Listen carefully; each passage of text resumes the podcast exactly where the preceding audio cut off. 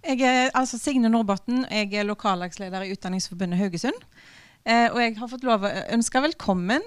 Eh, og det er kanskje litt fordi dette er stort sett eh, en gruppe folk som jeg kjenner til. Dette er for det meste lærere som sitter her inne i dag. Eh, vi har gleda oss enormt mye. Tusen takk, Alf og Haugesund folkebibliotek, for at vi har fått lov å være med på arrangementet.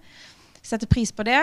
Eh, kjekt å se at det ble smikkfullt det er veldig tydelig at uh, dette engasjerte dette temaet her, fordi billettene de føyk i en fei. Ja. Uh, vi burde kanskje hatt det før, når jeg tenker meg om.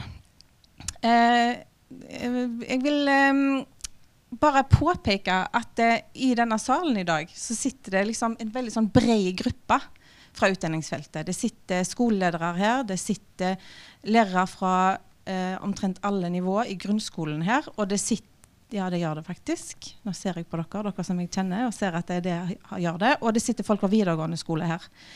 Eh, I tillegg til Vi har folk fra skolekontoret eksempel, og fra styret i Utdanningsforbundet osv. Så sånn at det, og vi har politikere her. Dere òg er viktige. Sånn at det, det er en ganske sånn stor og bred gruppe som skal mene noe om dette. Og mitt mål for denne kvelden det er at vi får eh, lære noe her i kveld som vi kan ta med oss videre og reflektere rundt i fagmiljøet ute på hver enkelt skole. Mm. Eh, Gaute Brochmann, eh, jeg skal få lov å introdusere deg. Eh, kjenner deg først og fremst som spaltist i Morgenbladet. Du er arkitekt, og nå har du altså trødd en fot ned i vårt fagfelt. Eh, vi gleder oss kjempemasse til å høre på, og debatten etterpå. Du skal eh, holde på ei stund, 20-30 minutter, og så blir det etterfulgt av en samtale. Eh, eh, etterpå det. Ja. Vi får se hvor lang tid det tar. Og om det blir tid til spørsmål. Det håper jeg. Vær så god.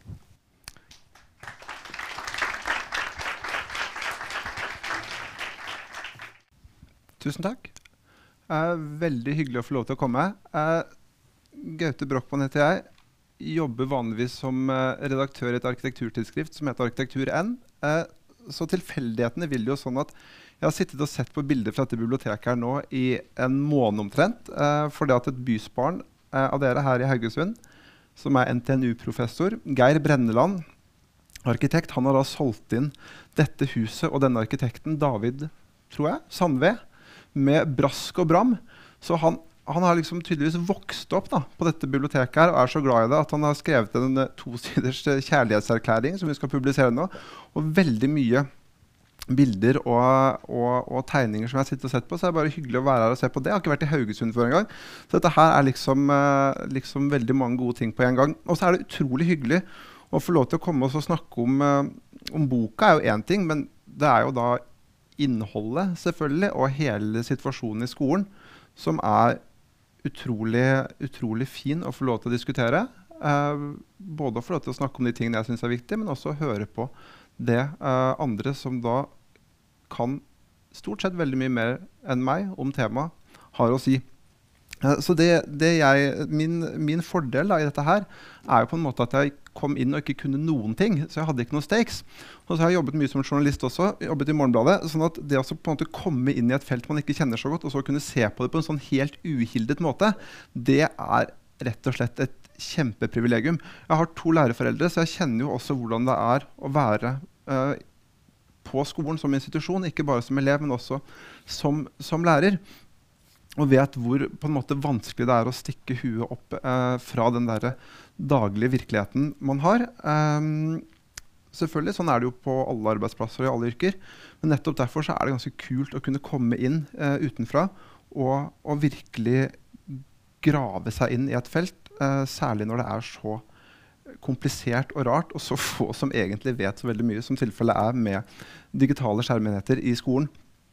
Så jeg skal bare ta en, eh, jeg, ta en, eh, jeg har liksom en sånn rant som jeg nå har holdt for alle som er villige til å høre på i et år. Så jeg skal prøve å beherske meg nå. Ta en, eh, ta en kortfatta, fin, og fin, fin, sammendrag av det.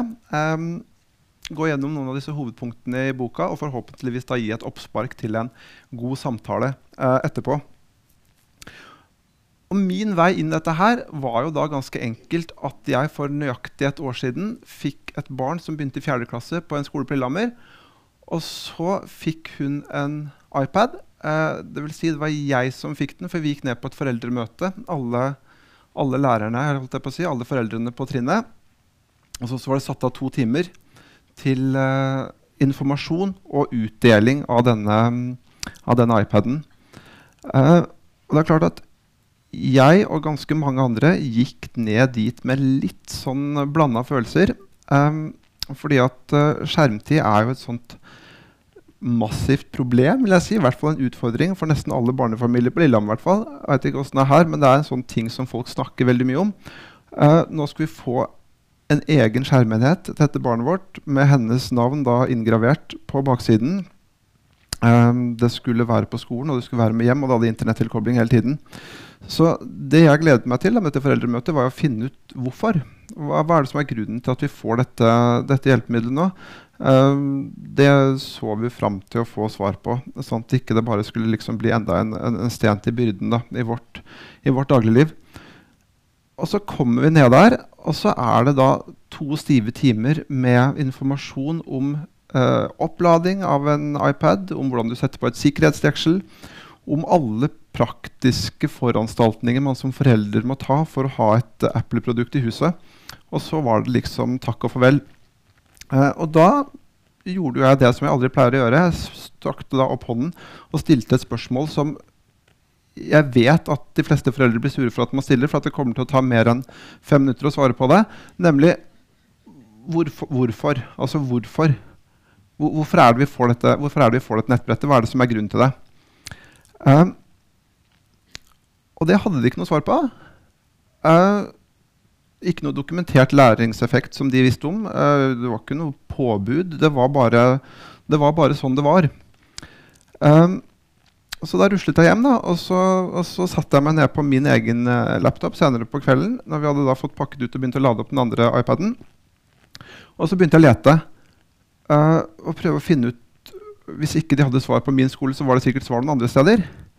Uh, og så fant jeg ikke noe svar. Um, og tok dette her da liksom først til lokal skoleledelse, og så videre oppover oppover til jeg satt på en eller annen sånn ja, departementets utdanningsseminar over et par dager for, for uh, litt under et år siden. Og det er da tydelig at det var på en måte ingen som hadde noen kunnskap om årsakene til at man introduserte dette her. Og det var jo én ting. Og man, man, man, gjør mye, man, gjør jo mye, i skolen som man tester ut, og som man uh, ser litt underveis. og sånn, Men det som var på en måte mer urovekkende, og som kanskje var den direkte foranledningen til at jeg satt meg ned og begynte å skrive der, var at det var egentlig ingen som var så veldig interessert i å svare på disse spørsmålene mine heller. Det, det var liksom ikke så veldig mye nysgjerrighet rundt, rundt, uh, rundt hvor dette fenomenet her, da, med at hvert barn skal ha sitt nettbrett. Det var ingen som var så nysgjerrig på hvor det kom fra. Og det viste seg at det var ikke så mye kontroll. Altså, det er ingen som vet hvor mange førsteklassinger som har et nettbrett. Ingen som vet hvor mange som har iPad i forhold til uh, Chromebooks. Det er det er egentlig, som dere selvfølgelig vet, dere som jobber i skolen, det fins en del insentiver da, og en del grunner sånn fra nasjonalt og, og overordna hold, men selve avgjørelsene og måten ting utøves på, håndheves på, skjer lokalt. Og dette her forundra meg. og det er sånn at Når jeg snakker om dette her til foreldre og, og, FPU og alle som på en måte sitter på andre siden av skolen og bare opplever det fra elevperspektiv og foreldreperspektiv, så er de også stort sett utrolig overraska over det. Uh, og så kan man selvfølgelig spørre seg er det noe problem da? Er det noe problem at man ikke vet dette her så godt? Um, er, er, ikke dette her bare en bra ting? Uh, kanskje og kanskje ikke. Det er, det er, i hvert fall verdt å stille seg spørsmålet, tenker jeg. Uh, og det er klart at uh, hvis man ser litt på historikken, så var det jo sånn at når disse digitale hjelpemidlene kom inn i, i livene våre for, uh, for, noen år siden, så for ganske lenge siden faktisk, Norge er en ganske sånn gammel datanasjon. Det er jo helt tilbake på 50-60-tallet. Så har man hatt datamaskiner i norsk næringsliv. Forsvaret. Vært, uh, vært ledende på dette her. Norsk Data er jo liksom det første selskapet som ble tatt på børs internasjonalt i London og New York. og norske selskaper og sånn. Det har vært en stor greie. Og det er klart at det at Gudmund Hernes og skolepolitikerne på 90-tallet ønsket å ta et hjelpemiddel som var så åpenbart bra i arbeidslivet, og få det inn på skolen, det tenker jeg er helt legitimt. Eh, og Samtidig så lå det jo en sånn klar sosialpolitikk i det. at Dette her var jo en maskin som eh, barn av direktører og ingeniører og sånn hadde tilgang på, mens de fleste hadde det ikke. Så det ble lagt et fundament da, helt tilbake til 80-tallet, men særlig på 90-tallet, som sa at det å få det digitale inn på skolen, det var en, det var en motsetning. Så der ligger den ideologien kan liksom ligge forankra helt tilbake der. Og så får man en situasjon utover på 2000-tallet hvor Høyre regjeringene tar over, og Kristin Clemet og Kunnskapsløftet og sånne ting. Og de også, eh, litt av en sånn annen grunn det, kan man si, det er jo klokere mennesker enn meg som har sett på dette her, men det er poenget er at Arbeiderpartiet hadde sin sosiale utjevningspolitikk, og Høyre hadde sin sånn elever som kunder-politikk.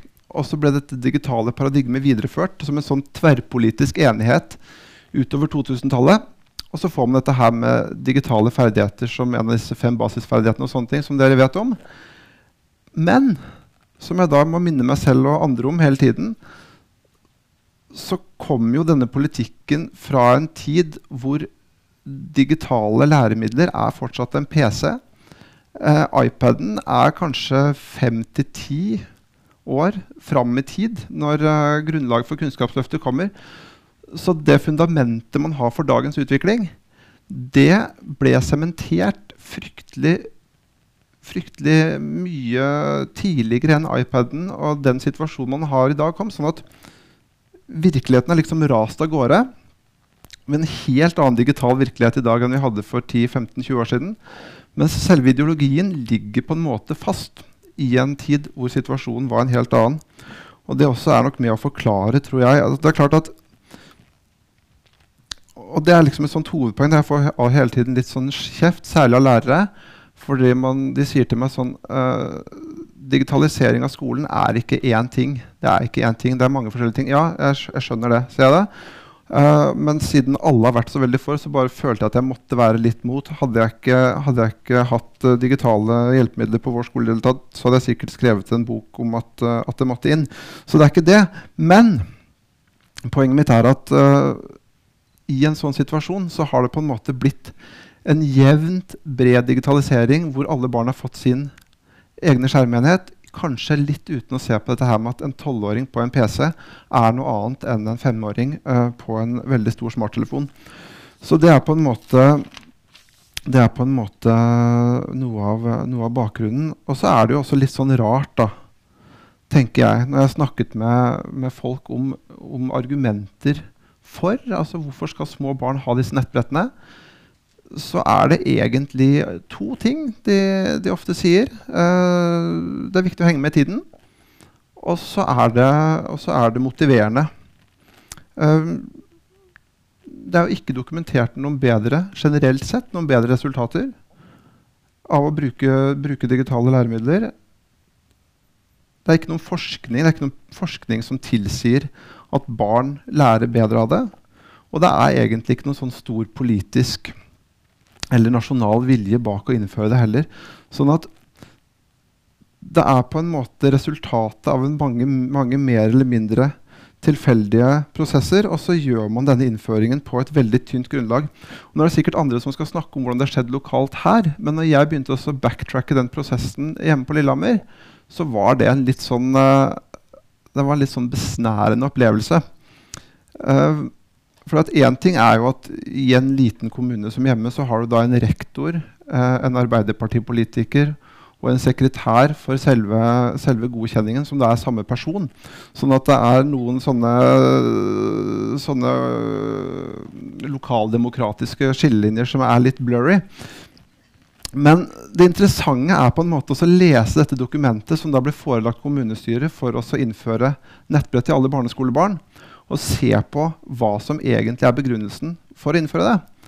Uh, og veldig kort oppsummert så er det at barna syns det er gøy. Uh, og foreldrene syns det er gøy. Og en del av lærerne syns også at det her er spennende. Og så står det da at det er ikke dokumentert noe positiv effekt, men det tror vi at det kan bli. og de utfordringene som listes opp, er stort sett sånn Kommer vi til å få til dette her teknisk? Det satser vi på, og så innfører vi det. Som da på en måte oppleves bitte lite grann lettvint. Eh, og det er jo sånn Jeg skjønner jo at det å være lærer og skulle motivere barna for å lære, er en positiv ting, men kanskje ikke nødvendigvis positivt i seg selv. Akkurat som hvis du har et barn som ikke har lyst til å spise middag, så kan du liksom ikke ta dem med på McDonald's for å gjøre det mer motivert. Um, før du har funnet ut om dette er sunt for dem eller ikke. Ikke liksom på et ett eller to eller tre dagers uh, perspektiv, men i en, i en litt sånn utvida kontekst.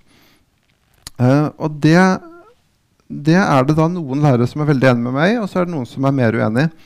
Og det er også litt sånn viktig å si da, at jeg har prøvd å styre klar av anekdoter. Altså det er veldig mange lærere som kommer og sier at her, hør på disse skrekkhistoriene her. Og så er det noen som sier nå skal du høre hvor utrolig fantastisk det er. Så akkurat de har jeg prøvd også å holde meg litt unna. Den eneste som får lov til å fortelle anekdoter, er liksom meg selv. Og mine, med min erfaring eh, av, av, dette her, da, når jeg har hatt et barn som har, som har hatt et nettbrette. Jeg skal ikke si at hva lærere sier og ikke sier, er irrelevant. For det er det absolutt ikke. Det er nesten tvert imot. Men Men det er liksom viktig tror jeg, da, å se at dette her med disse smarttelefonene og den digitale utviklinga er liksom større enn skolen. På den måten at vi har liksom hatt en situasjon i løpet av fem-ti år hvor hele livene våre, altså liksom dating og shopping og reising og sosialt liv, og til og med de gamle datamaskinene våre, de har forsvunnet inn i, inn i telefonene. Der lever vi. Og så tar vi den teknologien liksom videre rolig og pent inn i, inn i, skolen også. Og at i disse utrolig store skiftene her så er det på en måte litt mer enn klasseromsituasjonen som, som spiller inn. Og da tenker jeg at jeg er super for uh, læremiddelfrihet. Jeg har også gått på skolen. Det å ha en god lærer som uh, gjør en god jobb, trumfer jo på en måte alt. Men ikke desto mindre, og særlig fordi jeg da ved selvsyn har sett at ting praktiseres så utrolig forskjellig fra klasserom til klasserom, skole til skole, distrikt til distrikt, så har jeg liksom et følelse av at dette her må behandles som noe litt mer enn et klasseromsfenomen allikevel. På den måten at uh, La oss ta f.eks. bilisme. da når bilene kom, så er det på en måte sånn Det første du må gjøre, er å hindre at folk krasjer i hverandre. og så må disse bilene de må ikke bryte sammen, så du må ha OK motor på dem. Og så må du ha bra veier, sånn at folk kan kjøre. og du har et system alt dette her, Som da liksom må løses nede på bakkeplan. Mens de egentlige problemene handler jo om at de er så forurensende at de, at de ødelegger hele jorden, og at massekonsum ødelegger, ødelegger liksom ressursene for livsgrunnlaget på jorden vår. Sånn at det ligger jo liksom en appell her til, eh, til, å ta dette her opp et nivå og behandle det kollektivt. Og det er klart det er liksom litt sånn urettferdig å si til, til, dere som lærere, for dere kan jo ikke gjøre det, men det handler jo på en måte om at min, min uh, datters lærer som sto og holdt opp, holdt opp iPaden og sa at slapp av, det er bare et pennal, dette går bra, så følte jeg på en måte ikke helt at han var kvalifisert til å, til å, si det med en så stor grad av, av skråsikkerhet som han, uh, som han, sa det med. Så det er, uh, det er liksom en, uh, en sånn overbygning i dette her. Og det har jo også å gjøre med at hvis man liksom skal liste opp uh, grunner til, til, utviklingen, så er jo én ting hva norske politikere og norske skolemyndigheter sier og, og, hva som er tenkt internt i skolen. Uh, og så er det jo da på en måte to parter i dette her. Det er liksom skolen, eh, og så er det maskinene. Eh, og de maskinene de er ikke bestilt av norsk skole fordi at de tenkte at dette her kunne være et bra hjelpemiddel eh, som de ønska seg. Og så skrev de liksom bestillingen som de sendte til et amerikansk selskap. Det kommer på en måte litt andre veien. Og det å også sette seg ned og se på den bransjen som da heter Edtech, som da er den store pådriveren for, uh, for, å utvikle den teknologien som nå brukes, både Chromebooks og, og iPader, selvfølgelig. Det er ganske, det er ganske fascinerende. Um, de har jo en uh, type forretningsidé og en, en, måte å tenke business på som er ganske um, ulik det man kjenner fra vanlig norsk næringsliv. Uh, poenget er jo ikke at de skal tjene penger på å selge produkter til skolen nå.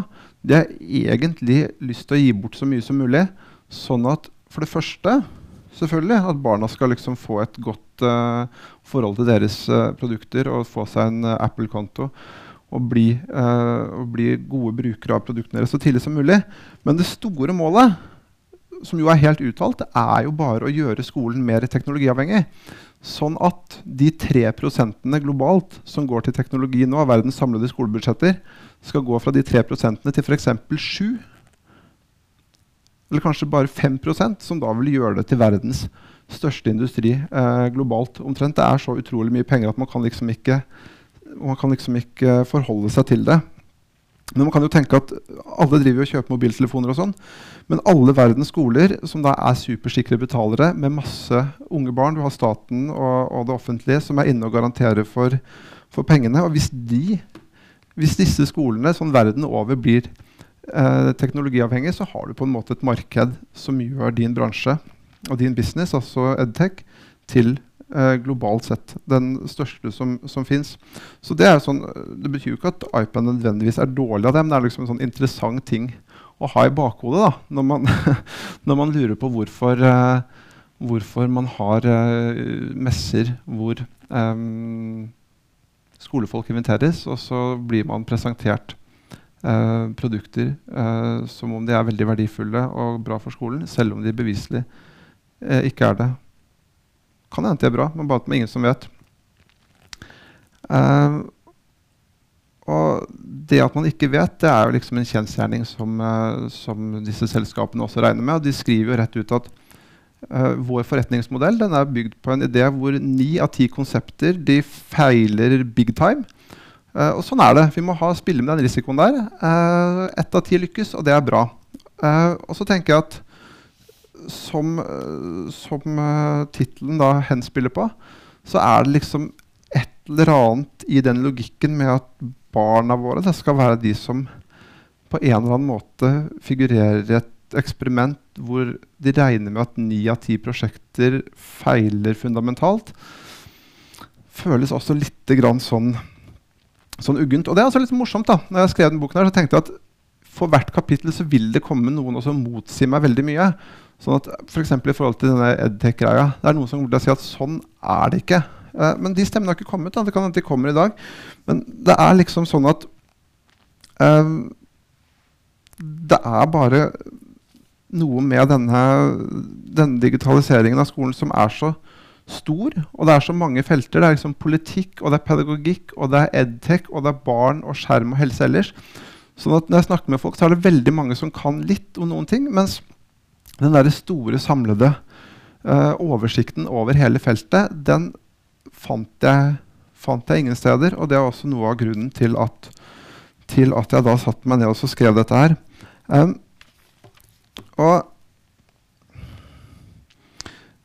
jeg skal ikke holde på sånn fryktelig, fryktelig mye lenger. Jeg her nå, jeg skal slippe til de andre òg, men poenget mitt da, er jo at når når dette her har vært diskutert i media, Nå har jeg liksom skrevet uh, frem og tilbake med vår nye kunnskapsminister Guri Melby og liksom de som da på en måte er politisk ansvarliggjort uh, for det. Og så sier de at uh, det handler ikke om det handler ikke om ja eller nei til nettbrett, det handler om, om riktig bruk. debatten er tatt, nå må vi prøve å bruke det på en, på en god måte. For det første så er jeg ikke sikker på om den debatten egentlig er tatt. Jeg har i hvert fall ikke klart å finne noe sted. Eh, og for det andre så er jeg liksom ikke sikker på at det alltid handler om rett bruk heller. Og det er ganske morsomt. Nesten det beste, den mest treffende eksempelet på en lignende praksis som jeg fant når jeg satt og skrev dette her, det har med medisin å gjøre. Og det er sånn, Når man fant opp penicillin, det er på en måte det kuleste man har funnet opp i, i, moderne vitenskap. Det er liksom så rått at du hadde folk som lå døde, og så ga du dem penicillin, og så ble de friske igjen. Du kunne rett og slett, rett og slett helbrede døde mennesker omtrent. Det var liksom en sånn helt fantastisk, fantastisk opplevelse. Eh, og folk ble jo, helt, eh, ble jo helt blåst av banen, selvfølgelig. Og så begynte man å bruke penicillin på alt mulig. Og den som advarte mot det, var jo han Flemming som hadde funnet opp. Han sa sånn Please don't. Uh, det kommer til å gå skikkelig dårlig. Men sånn, nei, nei, her, se på dette her, da. Dette her fungerer så utrolig bra. Nå bruker vi dette her for hva det er verdt. Uh, dette her er en mirakelkur. Uh, og så får vi en situasjon da hvor én ting er at du får antibiotikaresistens, og sånne ting, men du har også en situasjon hvor du bruker medisiner mye mye mer enn du behøver å bruke det. Uh, og så fant jeg et sted, Det er en sånn oversykepleier i Oslo som sier at de snakker hele tiden om at medisinbruk handler om riktig medisinbruk. Men egentlig så er det sånn at riktig medisinbruk nesten alltid er mye mindre medisinbruk. Uh, og det er litt sånn herre Alle vet jo at du må gi medisin til noen uh, når de er syke. selvfølgelig, sånn at de blir friske igjen.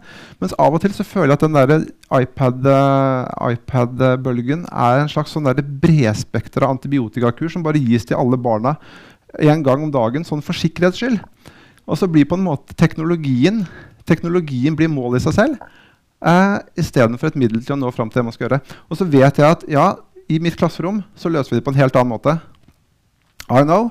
Det, det sier de alle sammen. Nei da. Men det er, det er, ehm, det er, ehm, For å si det på en mer demokratisk måte um, diplomatisk måte Noen løser dette her bedre enn andre. Og det jeg etterlyser, sånn som det står nå, tror jeg er egentlig to ting. Uh, jeg vil ikke ta bort den friheten lærere har til å gjøre egne valg og styre sine egne klasserom. Men jeg tror, jeg tror det trengs en nasjonal uh, norm rundt dette på et eller annet nivå. så man kan altså, Det er så mange ting man ikke vet, og den kunnskapen man kan få, en gjelder så mange. sånn at man burde få dette her på et nasjonalt nivå, så burde man få en form for nasjonal retningslinje, om ikke annet. Og så tror jeg at man bør skjerme de minste barna i, i større grad enn man gjør nå. Um, så kan man si at På vår skole så, så, er det ikke noe særlig bruk av iPad i første fjerde klasse. og Det er statistikk som viser det. Uh, og så er det andre barneskoler hvor det, bare, hvor det, er bare, skjerm. Sånn at den kombinasjonen, en nasjonal retningslinje som er tydeligere enn nylæreplanen, og Uh, en holdning hvor man særlig beskytter de minste. Jeg, jeg, mener ikke at man skal sitte i ungdomsskolen og skrive en, en lang særoppgave for hånd. Men som sagt, den situasjonen av en uh, tolv år gammel gutt eller jente som sitter og skriver en lang stil, og en femåring som kommer på skolen og som får dette utrolig delikate, fantastiske objektet som en iPad er, med sitt eget navn på, i hendene, og så blir på en måte lært å møte verden gjennom brukergrensesnittet på en maskin uh, der det sitter unge menn uh, i California og prøver å tjene penger. At, at, det sånn, at, det er sånn, man skal møte disse, at det er sånn førsteklassingene skal møte den norske skolen og, og, lære å orientere seg i samfunnet på, det, det, er i hvert fall ingenting jeg har funnet da, i løpet av arbeidet med denne boken her, som har gjort meg mindre skeptisk til uh, akkurat det. Fint. Det var omtrent 25. Takk så lenge.